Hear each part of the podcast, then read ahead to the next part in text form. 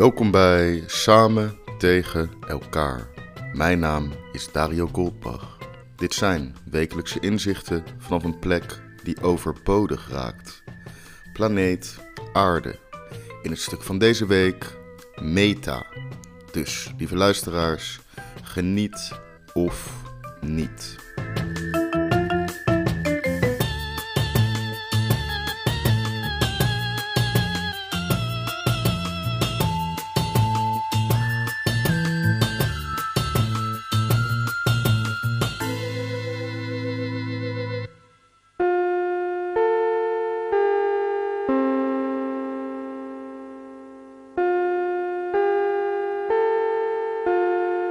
Het hoofdprogramma gaat reeds van start.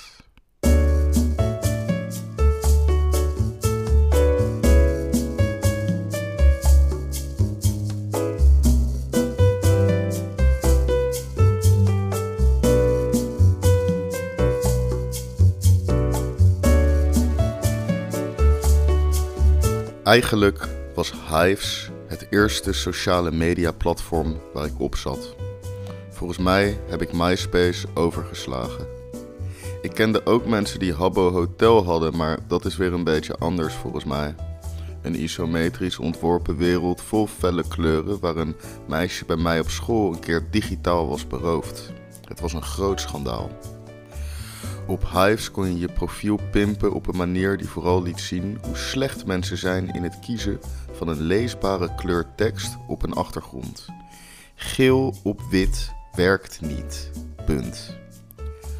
Op Hives startte ik ooit een poll met de titel Welke leraar is het kutst?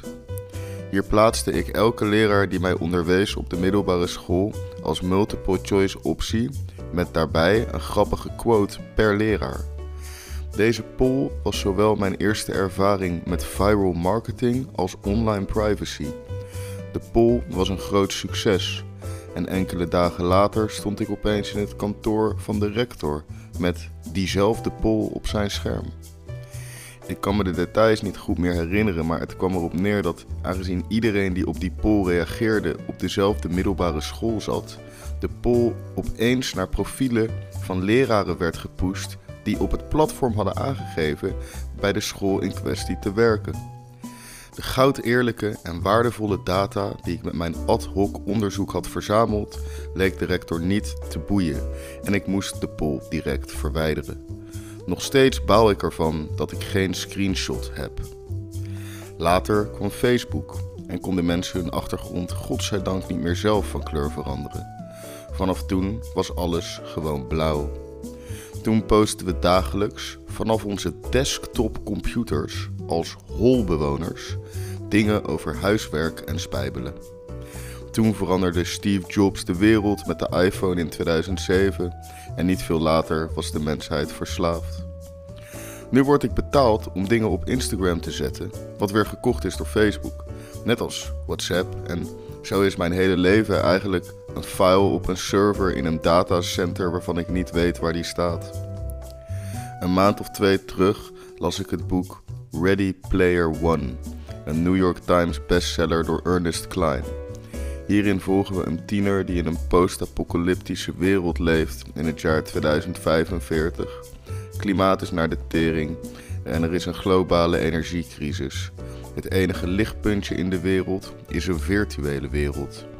Oasis. Met behulp van een VR-bril en speciale handschoenen leef je, zittend op je luie reet, in een virtueel universum waar alles kan en gebeurt. Met de immer teleurstellende echte wereld is deze escape nodig geworden. Mensen gaan in de oasis naar school, ze werken er, wonen er. Iedereen is iemand anders. Je weet nooit wie je voor je hebt. Een nieuw niveau van privacy waarbij mensen niet eens weten hoe je eruit ziet. Nu komt Mark Zuckerberg, een mens waarvan we niet eens zeker weten of hij een robot is of niet, opeens een presentatie geven over een wereld die één op één het sci-fi boek is wat ik net uit heb. De metaverse, een VR-wereld waarin je kan leven, wonen en werken.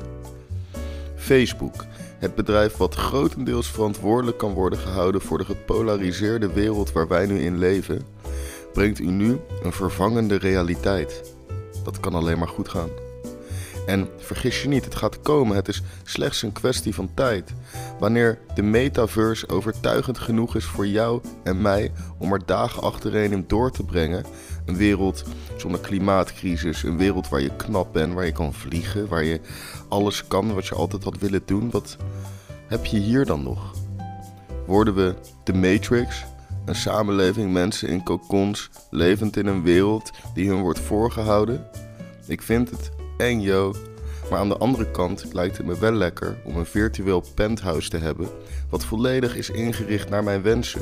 Met een boekenkast van grond tot plafond, een Ames lounge chair met bijbehorende voetsteun, een badkamer met een jacuzzi en een uitzicht op wat palmbomen of iets dergelijks. Misschien een tropisch strand.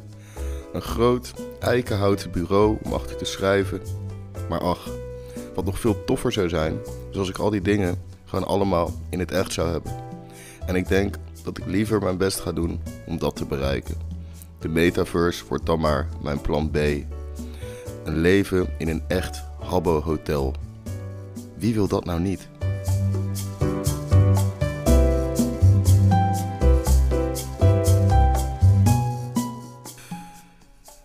Bedankt voor het luisteren naar Samen tegen elkaar. Leeft u ook in een virtuele realiteit? Deel deze podcast dan op je Insta-story. En vergeet niet de gefingeerde Instagram studio.dario te taggen. Een berichtje achterlaten kan nog altijd via de DM of via samentegenelkaar.nl.